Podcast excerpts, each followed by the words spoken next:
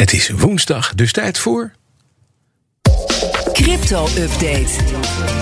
Inderdaad. Herbert Blankenstein is bij ons presentator van BNS Cryptocast, onze podcast over Bitcoin en andere digitale munten en eh, alle perikelen daaromheen.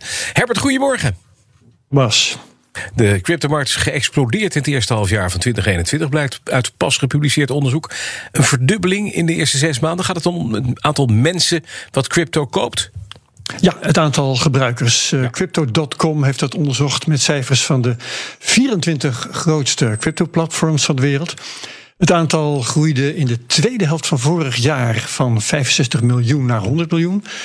En achteraf was toen die bull market waar we nou in zitten eigenlijk al begonnen. Alleen noemde niemand het nog zo. En daarna is het echt heel hard gegaan. 106 miljoen in februari, 200 miljoen in mei en 221 miljoen in juni. En dat betekent dat we op 8 miljard mensen nu staan op een kleine 3% van de wereldbevolking. En een van de gebieden waar het het hardst gaat is Afrika. Hè? Ja, dat schrijft The Guardian dan weer.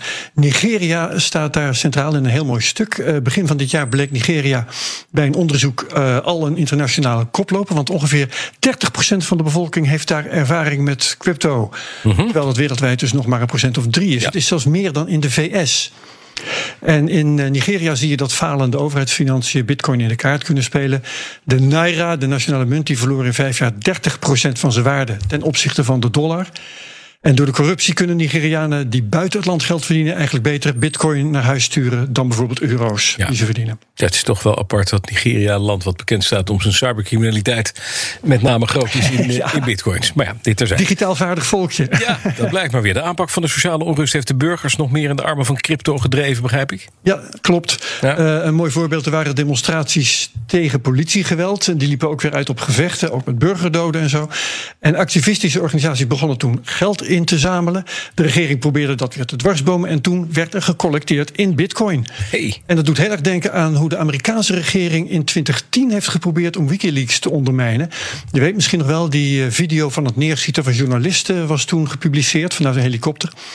En donaties aan Wikileaks in dollars kwamen vanaf dat moment er niet meer door. En de organisatie heeft toen naar Bitcoin gegrepen. Mm-hmm. En daar zijn ze vreselijk rijk van geworden. Plukken ze ja. nog altijd de vruchten van. Intussen stelt Duitsland zich crypto-vriendelijk op en Amerika weer niet. Minder althans. Ja, Inderdaad, sinds uh, maandag geldt in Duitsland een wet waardoor nu 4000 institutionele beleggingsfondsen 20% van hun vermogen in crypto mogen beleggen. En dan gaat het om 1800 miljard belegd vermogen, dus 20% daarvan. 360 miljard euro mag nu naar crypto. Hmm. Ik zeg niet dat het gaat gebeuren, maar het mag. Kan, ja. En 360 miljard, dat is alleen al de helft van de marktkapitalisatie van Bitcoin van nu. En dan aan de andere kant heb je de VS. Daar staat een wet op stapel in het congres. Die gaat crypto-platforms nieuwe fiscale verplichtingen opleggen. En daar zouden ook miners onder kunnen gaan vallen. En er zijn nu waarnemers die zeggen dat het eigenlijk neerkomt op een verbod op mining. Terwijl net een hele hoop miners bezig zijn te verhuizen van China naar de VS. -hmm. Dus die wet lijkt de oorzaak op dit moment dat de koersen wat zijn ingezakt deze week van 41.000 naar 38.000 dollar. Ja, dan is, heb je toch nog altijd Amerikanen die, die wat dat betreft het, de, het blazoen recht overeind houden. De burgemeester van Miami is een Bitcoin-fan, Francis Suarez. En die zet zich in voor een eigen Miami stadscoin. Is dat een serieus ja. plan of is dat gewoon een, ja, ach, nou, nou, een avondje drank? Het plan is serieus, maar je hoeft het van mij niet serieus nee. te nemen. Hij komt er in elk geval wel, de Miami coin. Gisteren zou de eerste dag zijn dat je hem kunt krijgen, -huh. alleen door zelf te minen. En 30% van de opbrengst gaat dan naar de stad zelf, die daar sociale projecten mee kan gaan betalen. Ja. Maar er is heel veel nog onduidelijk. Bijvoorbeeld wat je er zelf mee kan. het mag geen betaalmiddel zijn. Ja. Want de Amerikaanse wet verbiedt eigen stedelijke valuta. Je kunt er maar inwisselen op één exchange. Wat die waard is, is onzeker. Er zouden smart contracts mee mogelijk zijn, maar voorbeelden die zijn er nog helemaal niet. En de knop begin nu met minen op de website van het project. Heb ik net nog geprobeerd, die werkt nog steeds niet. Mm. Dus het lijkt een beetje aan een haastig en onrijp project. En wat ook niet helpt trouwens, dat is de afkorting voor Miami Coin, MIA.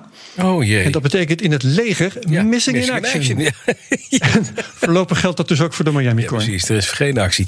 Nog even, wat heb je de CryptoCast deze week, Herbert? Maarten Bloemers, hij is oprichter van Guts Tickets, de bedenker van theatertickets op de blockchain. Dat is een middel tegen de secundaire markt in diezelfde tickets. En hij maakt nu het bijbehorende GET-protocol wereldwijd verkrijgbaar, zodat ook andere bedrijfstakken die met tickets werken daar gebruik van kunnen gaan maken. Hoe werkt dat? Waarom hoort daar nou weer een CryptoCoin bij? En is het een succes? Morgen kun je dat horen en dat gaat ook zonder ticket. Dat is mooi, hè? want het kost helemaal niks. Je hoeft niks te doen, geen crypto te bezitten. Je mag gewoon luisteren.